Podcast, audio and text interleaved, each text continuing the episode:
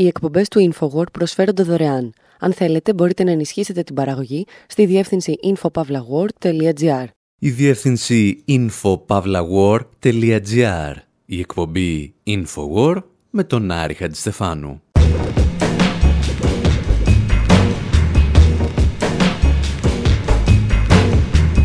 Όπου σήμερα σκεφτήκαμε ότι αφού εμείς είμαστε σε κλειό παρακολουθήσεων και εσείς σε κλίμα διακοπών, να ακούσουμε μαζί 5-10 χαλαρά τραγουδάκια για το Watergate. Το αληθινό, το ορθόδοξο. Αφήνουμε τους Beastie Boys να μας πούν τα βασικά, αλλά συνεχίζουμε τη μουσική έρευνα σε μεγαλύτερο βάθος. Ακούμε στοιχεία του ρεπορτάζ σε ήχους country και αναρωτιόμαστε τι πιθανότητες έχει ένας διεφθαρμένος πρόεδρος να μην παραιτηθεί όταν λειτουργεί σωστά η δικαστική και η μηντιακή εξουσία. Και ύστερα αλλάζουμε θέμα χωρίς να αλλάζουμε πρωταγωνιστή. Γιορτάζουμε τη συμπλήρωση 90 χρόνων από την κυκλοφορία της πρώτης ταινίας με ζόμπι και τον Μπέλα Λουγκόση. Για άλλη μια φορά όμως πέφτουμε πάνω στον Αμερικανό πρόεδρο Ρίτσαρντ Νίξον.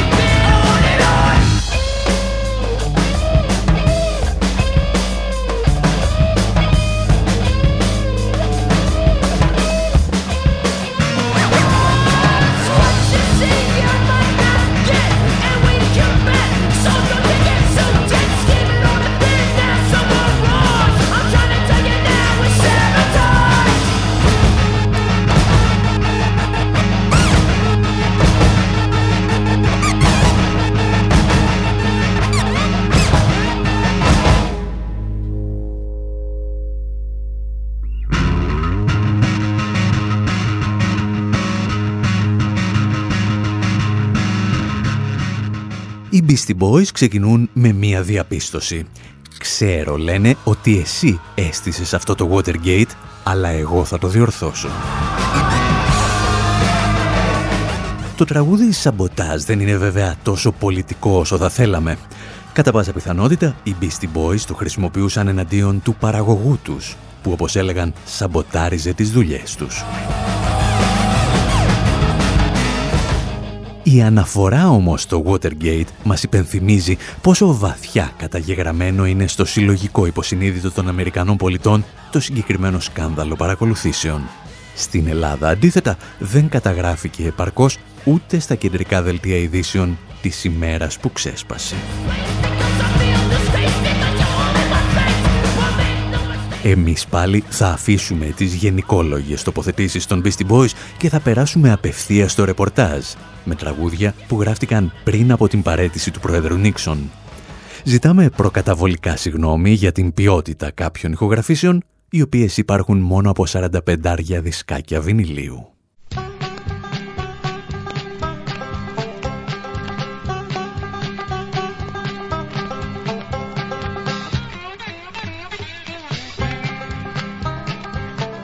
In that citadel of law and order, Howard, Washington, the boys all got together for a bit of harmless fun. In the dark of night, they sneaked into the pearly water gate to bug the opposition and mess up their candidate. But when they fooled with the tap at the water gate, the truth come pouring out, the truth come pouring out. When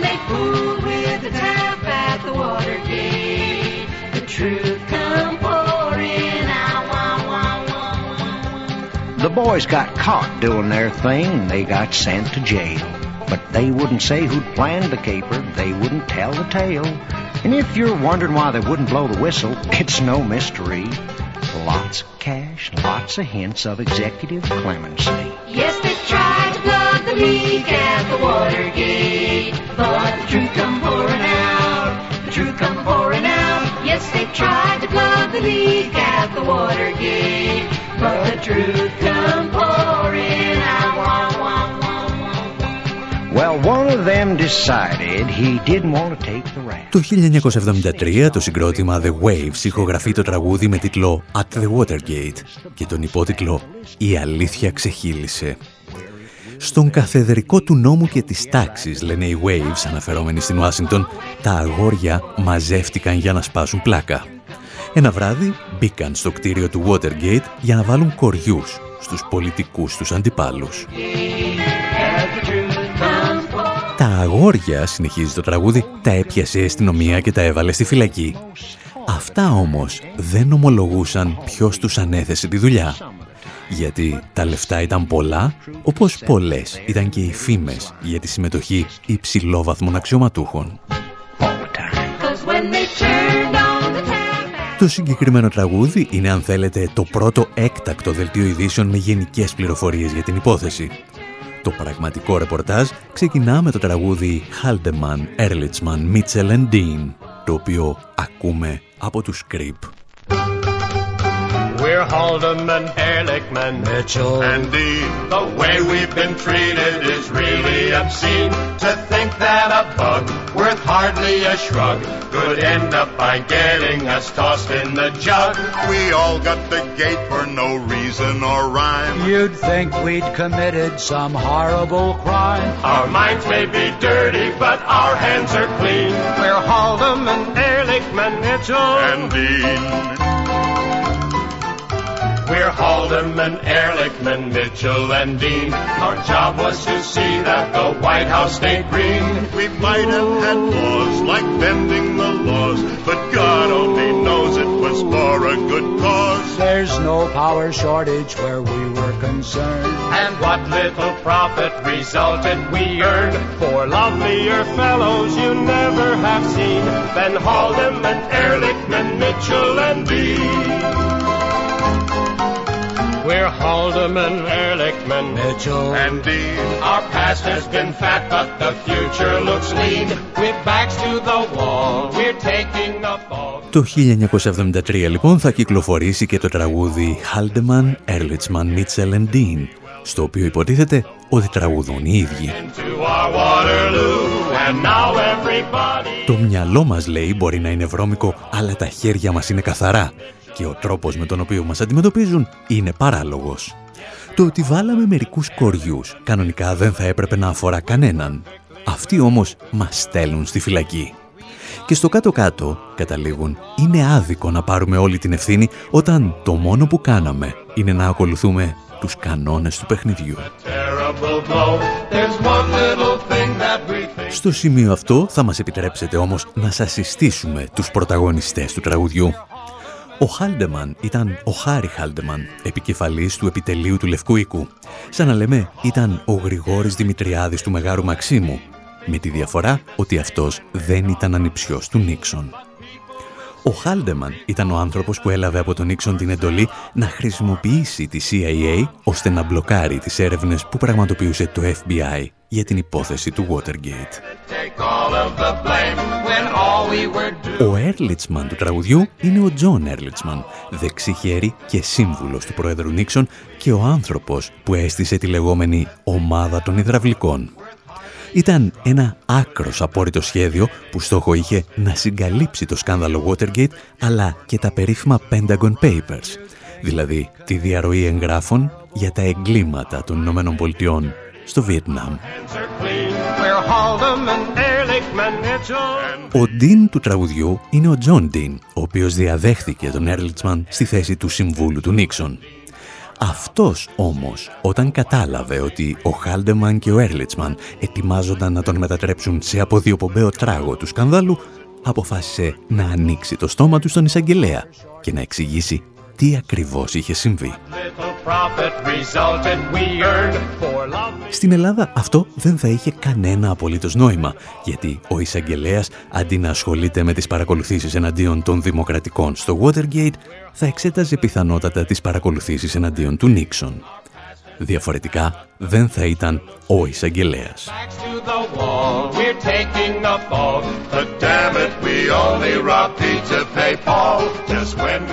Για να επιστρέψουμε όμως στη μουσική μας ιστορία, από τα τέσσερα ονόματα που ανέφερε το τραγούδι των Κρυπ, δεν σας έχουμε μιλήσει ακόμη για τον Μίτσελ. Γιατί η δική του ιστορία χρειάζεται μία ακόμη μουσική βοήθεια. Αυτή τη φορά από τον Γκάρι Πάρις. Early in the summer of 72. There sat a bunch of people with nothing to do. So they made up a plan and they made up a scheme about how to invade the American dream. They put a bug here and they put a bug there. They figured what the hell will put them everywhere. Then they pulled off a break and that was second rate. And now it's come to be known as Halderman, Ehrlichman, the beggar, and more. Defendants are falling like flies on the floor. But Tricky Dicky says that he doesn't know why the people don't believe his alibi.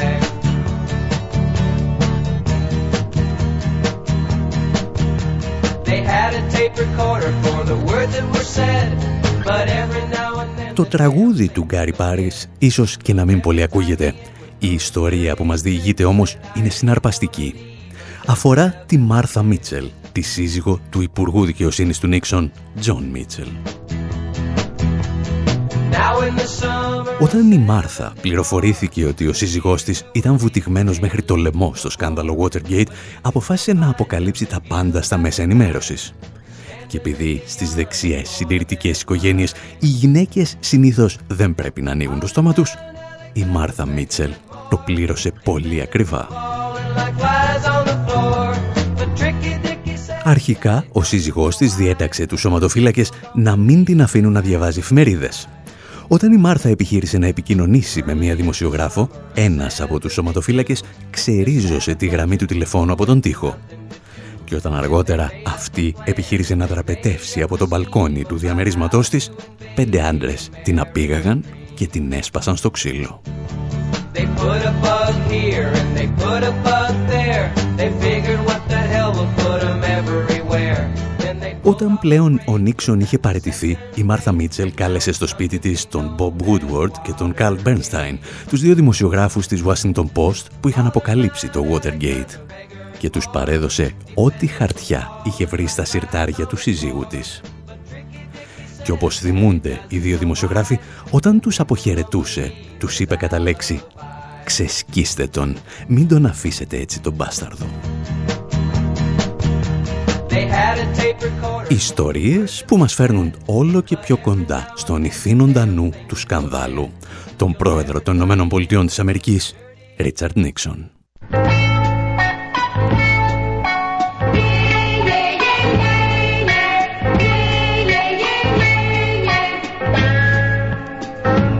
The other night I had a dream, a funny, scary dream.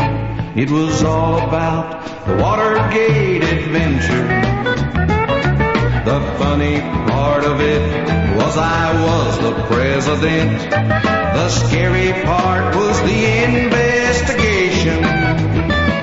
I saw me standing there with reporters everywhere. Senators and congressmen were asking questions. They said, now listen, Dick, we think you pulled a trick. Now tell the truth, you know you're under oath. Did you bug the Watergate? Dickie boy, Dickie boy. Did you bug the Watergate? Tricky Dickie. If you are the guilty one, then you know what must be done. You'll just have to move and give your house to Spiro.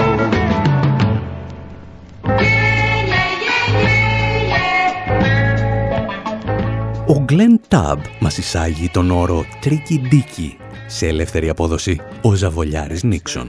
Παρεπιπτόντος και αυτό το τραγούδι έχει αναφορά στη Μάρθα Μίτσελ, η οποία από ορισμένους θεωρείται ότι έπαιξε καθοριστικό ρόλο στην αποκάλυψη του σκανδάλου Watergate. Τώρα όμως μας ενδιαφέρει όπως είπαμε ο πρόεδρος. Ήσουν εσύ Ντίκη που παγίδευσες στο Watergate αναρωτιόταν ο Γκλέντ Τάμπ και έσπευδε να διευκρινίσει. Εάν ήσουν εσύ θα πρέπει να αφήσεις το σπίτι σου στον Σπύρο. Το σπίτι είναι προφανώς ο Λευκός Οίκος και ο Σπύρος ήταν ο αντιπρόεδρος του Νίξον, Σπύρο Άγνιου.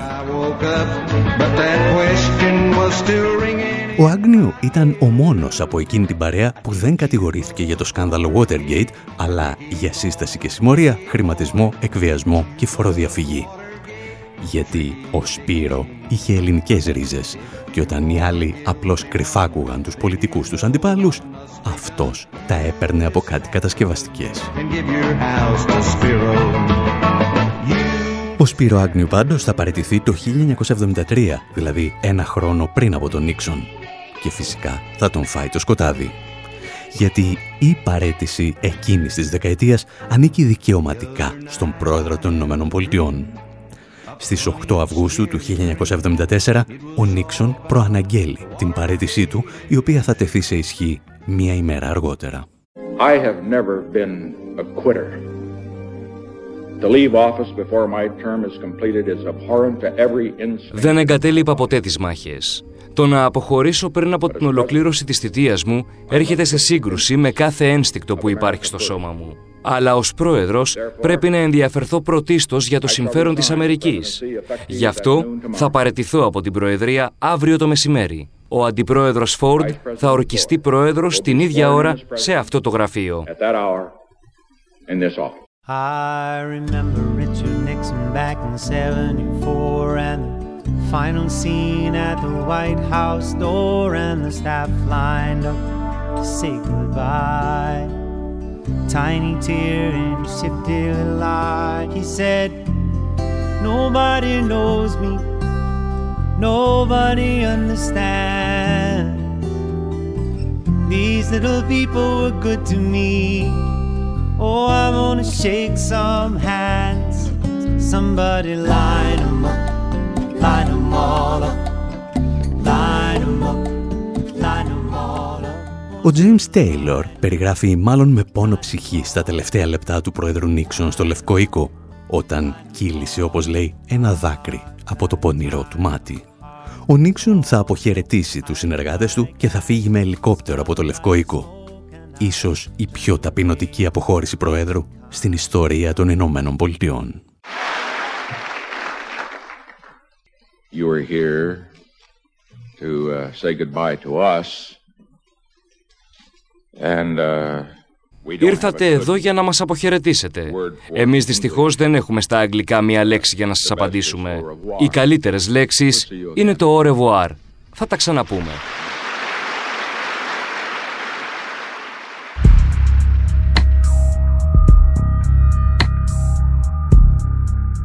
Η ιστορία θα συγκρατήσει το σκάνδαλο Watergate σαν ένα από τα μεγαλύτερα επιτεύγματα της ερευνητικής δημοσιογραφίας του 20ου αιώνα.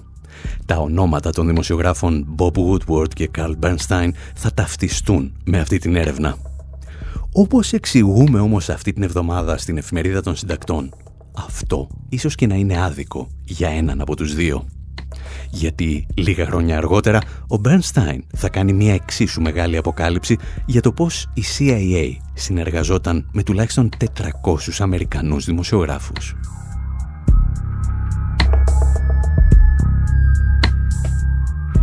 Το συγκεκριμένο κείμενο αποτελεί μια πρόγευση από το νέο μας βιβλίο που θα κυκλοφορήσει το φθινόπωρο από τις εκδόσεις «Τόπος» και θα είναι ένας πρακτικός οδηγός για το πώς να εντοπίζετε μορφές προπαγάνδας και παραπληροφόρησης στο λόγο των μέσων ενημέρωσης, των πολιτικών και των επιχειρηματιών.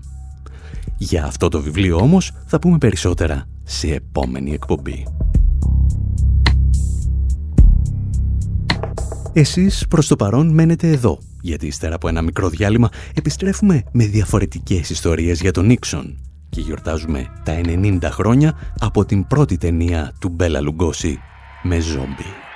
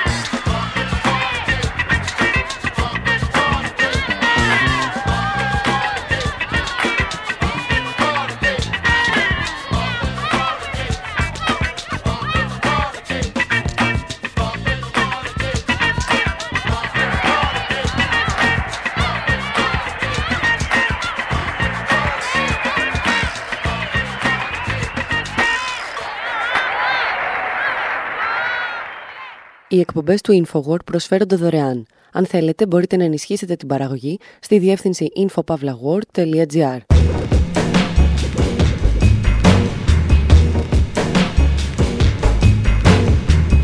Εκπομπή InfoWord, μέρος δεύτερο.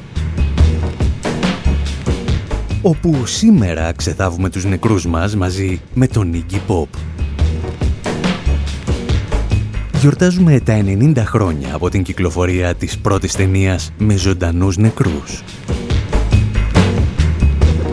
Παρακολουθούμε με πνεύμα πολιτικό ταινίες όπως το «Οι νεκροί δεν πεθαίνουν» του Jim Jarmus και αναρωτιόμαστε ποιοι είναι οι νεκροί, τι σχέση έχει με όλα αυτά ο καπιταλισμός και πόσο μπορεί να αντέξει ένας άνθρωπος χωρίς καφέ. Η ιστορία όμως μας επαναφέρει και στον Ρίτσαρντ Νίξον, λίγο πριν παραιτηθεί, όταν πίστευε ότι είναι ο απόλυτος ηγεμόνας των νοικοκυρέων.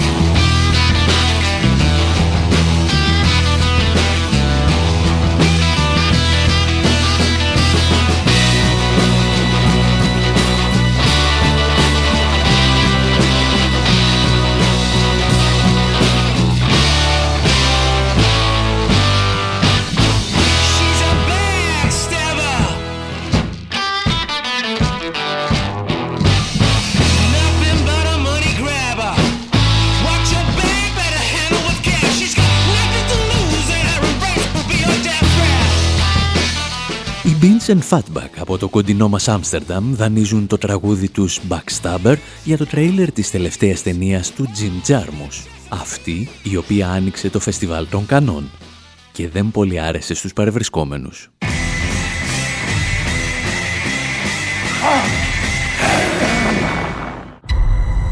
In this peaceful town, on these quiet streets, something terrifying Something horrifying is coming. Excuse me, we're closed. Get away from me!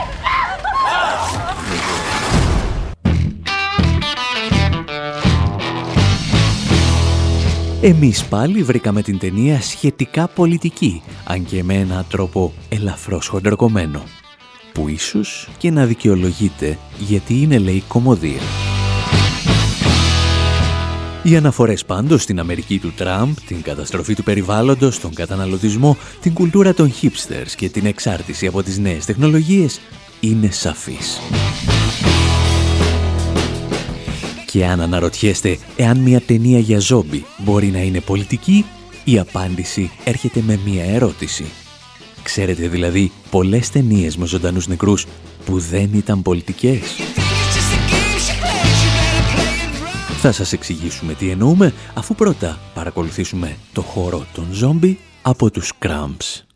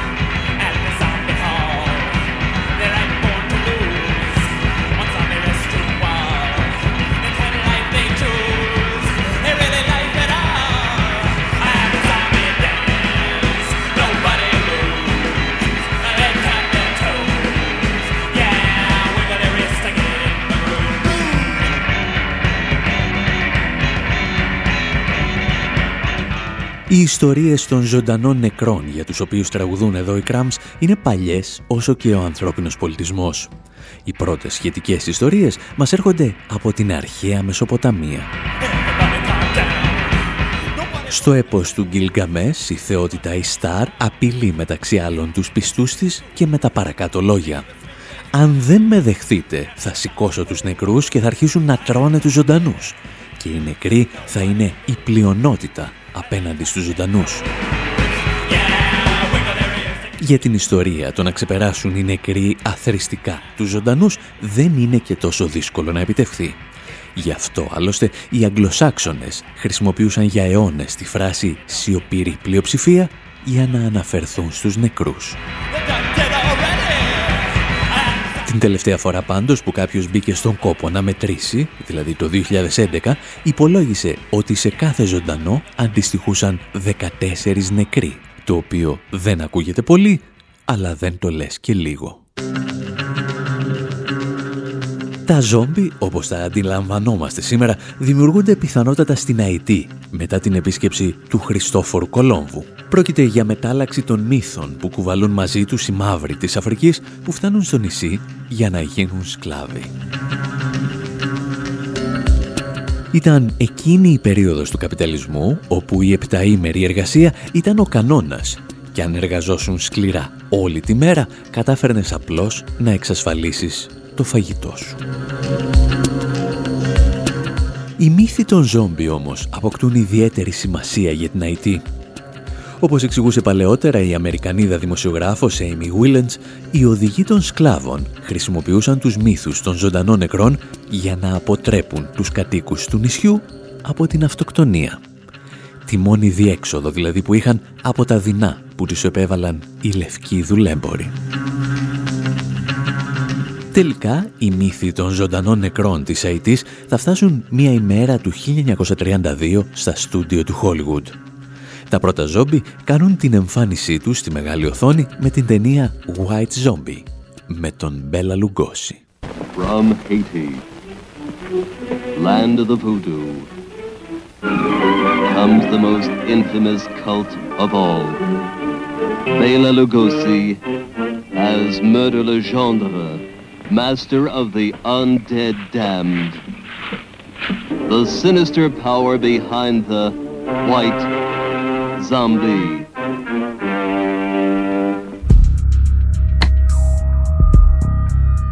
Παρ' όλα αυτά, τα ζόμπι θα αποκτήσουν την τελική τους μορφή από το 1968, όταν ο Τζόρτς Ρομέρο θα σκηνοθετήσει τη νύχτα των ζωντανών νεκρών.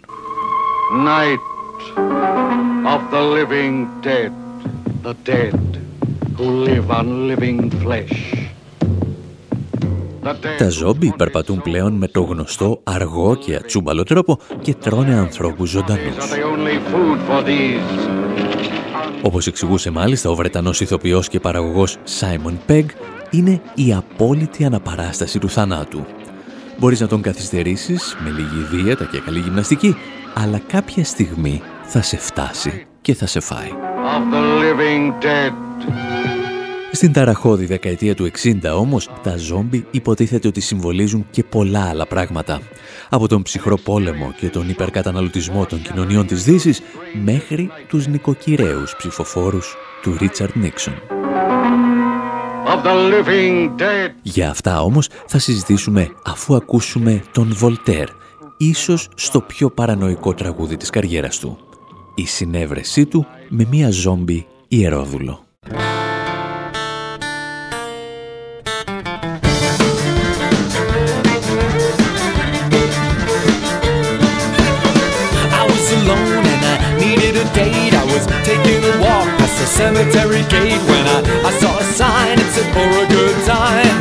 Take a left down at Tombstone number 8. Went through the gateway and I'm pretty sure I saw some eyes peeking out of a sepulchre. I took a step into the tomb of a repute.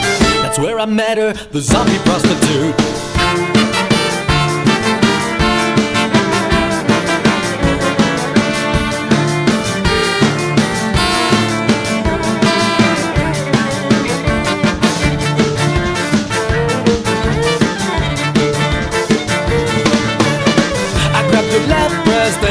Sure I tore it. I sicked her down, but she didn't have the stomach for it. Her teeth fell out and her tongue fell out to food. But all in all, she was a rotten kind of cute. Well, I was tense, it was plain to see. A sort of rigor mortis was coming over me. I didn't want to see it, but I just had to believe it. I had a stiffy for the stiff in front of me.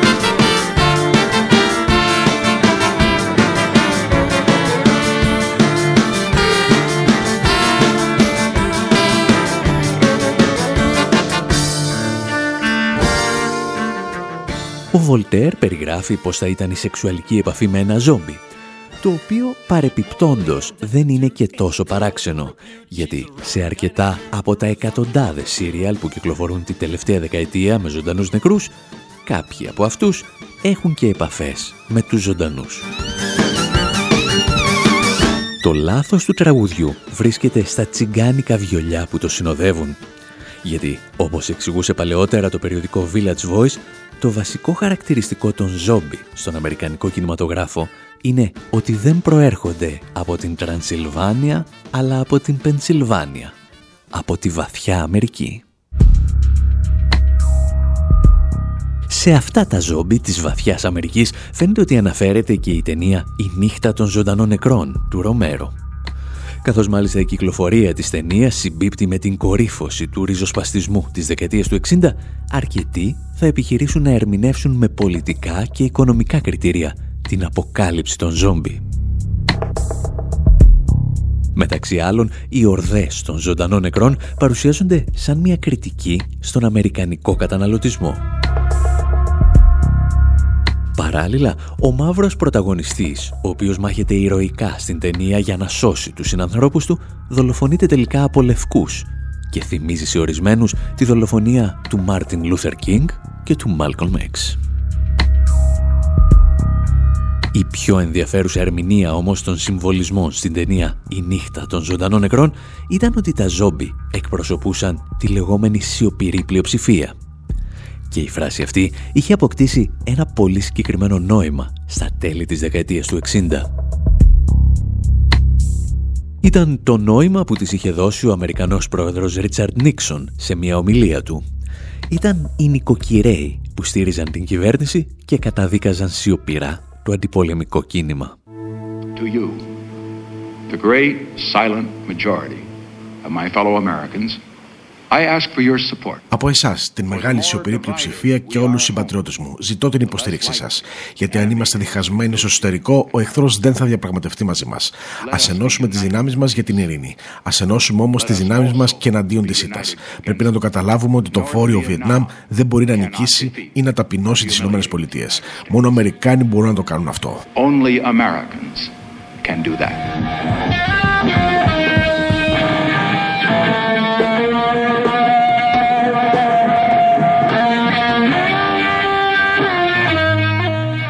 Παρά τις υποσχέσεις του Νίξον βέβαια, οι Ηνωμένες Πολιτείες ταπεινώθηκαν τελικά στο Βιετνάμ, όσο καμία άλλη αυτοκρατορία ίσως να μην έχει ταπεινωθεί στην ιστορία της ανθρωπότητας. Και ενώ τη βασική δουλειά της ταπείνωσης την έκαναν οι Βιετναμέζοι μαχητές, το αντιπολεμικό κίνημα έπαιξε σίγουρα το δικό του ρόλο. Γιατί η ιστορία γενικότερα παίζει περίεργα παιχνίδια. Οι νεκροί κάποτε επιστρέφουν και οι σιωπηρές πλειοψηφίες εξεγείρονται.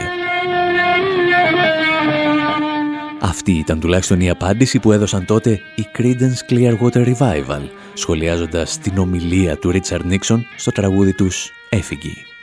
Η σιωπηρή πλειοψηφία του είπαν δεν θα μείνει για πάντα ήσυχη και η φωτιά που άναψε θα φτάσει στην πόρτα του παλατιού σου.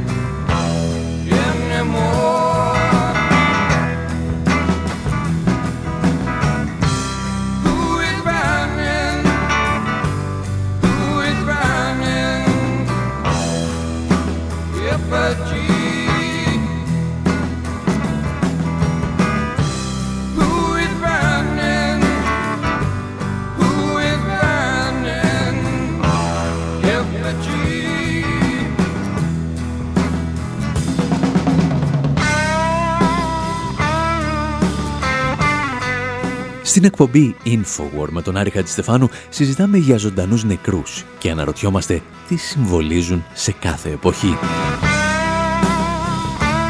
Είδαμε τη δεκαετία του 60 να αντιμετωπίζει τα ζόμπι σαν τους νοικοκυρέους. Άβουλα πλάσματα που ενδιαφέρονται να εξυπηρετήσουν μόνο τον υπερκαταναλωτισμό τους. Αλλά αν χρειαστεί θα γίνουν κανίβαλοι για να σώσουν το τομάρι τους.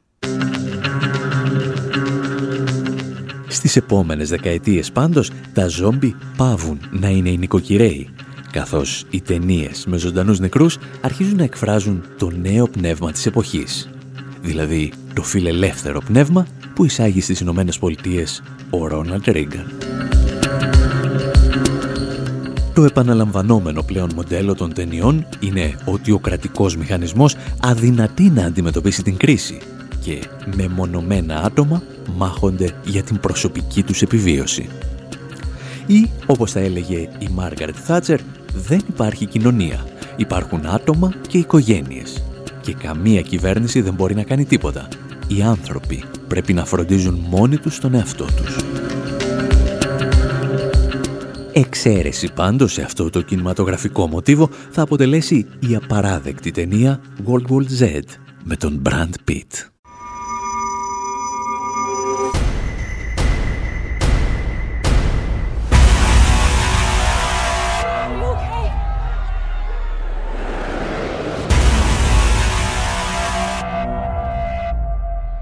Αυτή τη φορά τον κόσμο προσπαθεί να σώσει ο Αμερικανικός στρατός με τη βοήθεια μεγάλων φαρμακοβιομηχανιών και της Ισραηλινής Υπηρεσίας Πληροφοριών Mossad. Σε μία από τις πιο χιδαίες σκηνές Ισλαμοφοβικής προπαγάνδας στην παγκόσμια ιστορία του κινηματογράφου βλέπουμε από ψηλά την Ιερουσαλήμ ενώ δέχεται επίθεση από τα ζόμπι. Οι Ισραηλοί έχουν προνοήσει βέβαια να χτίσουν ένα ψηλό τείχος και ο στρατός τους πολυβολεί όποιον προσπαθεί να το περάσει. Περίπου δηλαδή ό,τι συμβαίνει κάθε Παρασκευή στα κατεχόμενα Παλαιστινιακά εδάφη.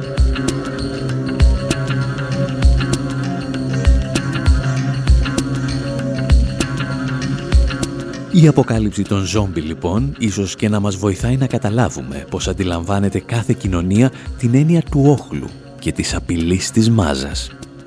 Στην εξεγερτική δεκαετία του 60, οι ζωντανοί νεκροί ήταν οι νοικοκυρέοι που στήριζαν τον πόλεμο του Βιετνάμ. Στην τρέχουσα δεκαετία, τα ζόμπι μπορεί να είναι ο άλλος, με αλφακεφαλαίο, ο οποίος υποτίθεται ότι απειλεί τον πολιτισμό μας.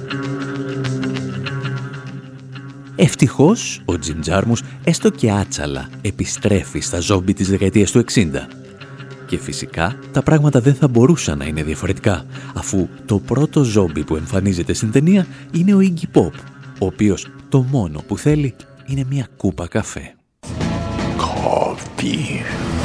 Chardonnay. Did she just say Chardonnay? Yeah, she did.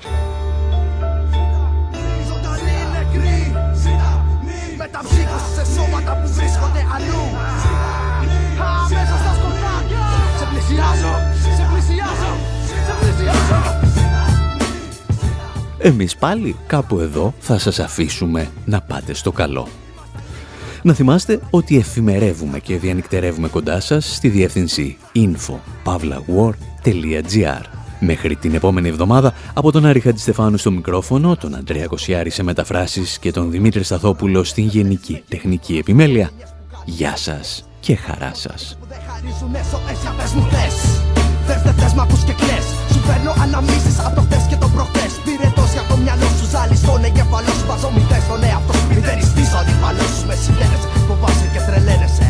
Η θεωρία σε πονάει την αλήθεια τη γαμάει. Και αφήνω πίσω μου Ανάκτορα και αμύθιτα ποσά. Ό,τι μπορεί σε σκασέ Και σου πήρε τα χρυσά, τα οστά, τα πολύτιμα. Δεν είναι αδίκημα, δεν είναι ατύχημα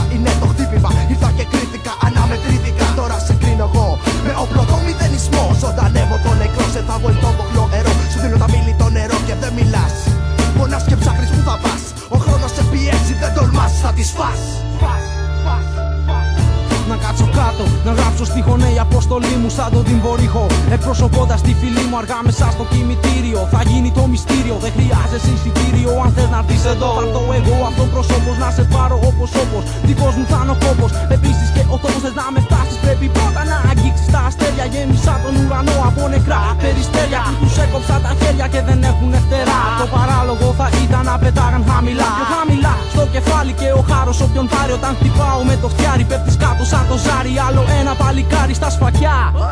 Η μάνα του απ' τον άδει άκουσε μια κουφεκιά της γενιάς μου βασιλιά. Μη κατέβεις στα σκαλιά, μη κολλήσεις πουθενά. Η ζωή είναι πιο γλυκιά. Πιο γλυκιά, πιο γλυκιά, πιο γλυκιά.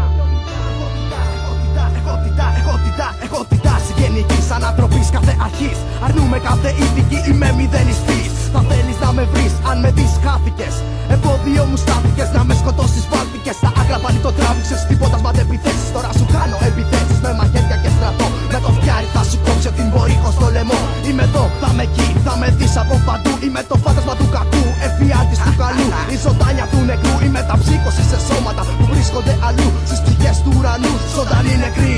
Ήτανε λίγοι, μαζευτήκαν τώρα γίναν πιο πολλοί. Ξεχυθήκανε στους δρόμους, ξαναφτιάχνουν τη γιορτή. Έλα και γιόρτασε και εσύ μαζί. Η κάθε στη μιζέρια σου, στο φόνο, στον πόνο. Στον άδικο το χρόνο που χαλάς για να μου την πεις. Φίλε, δεν κατάλαβες, είμαι μηδενιστής.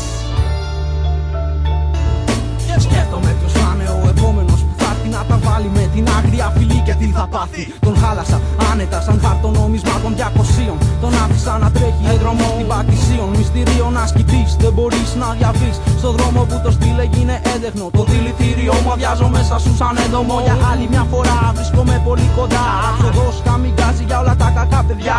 Η μία μου ματιά ενεργεί σαν κρυγόνο. Σου κλέβω το οξυγόνο, νιώθεις πόνο. Όταν παίρνω φόρα με την νεκροφόρα. Πενθεί όλη η χώρα με όλα τα αυτά δεν κολλάω και πατάω όποιον μπει μπροστά. Τα φρένα μου σπασμένα γιατί είναι ελληνικά.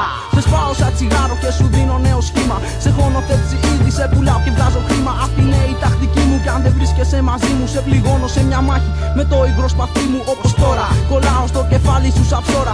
Αυτή η τεχνική δώρα την άγρια φυλή. Για το σπάσε το παπά και στρίψε το παπά. Μπαίνουμε με τσαμπουκά με το ραπ μου σακά. Την 11η εντολή την ξέρουν μόνο οι τρελοί. Δεν τη σεβάστηκες πολύ, γι' αυτό είσαι ακόμα εκεί. Είμαι ο καλύτερος του είδους μου. Μόνος μου και όλοι τα σκλεβώ το πορτοφόλι σας. Δεν έχεις πάρει πρέφα.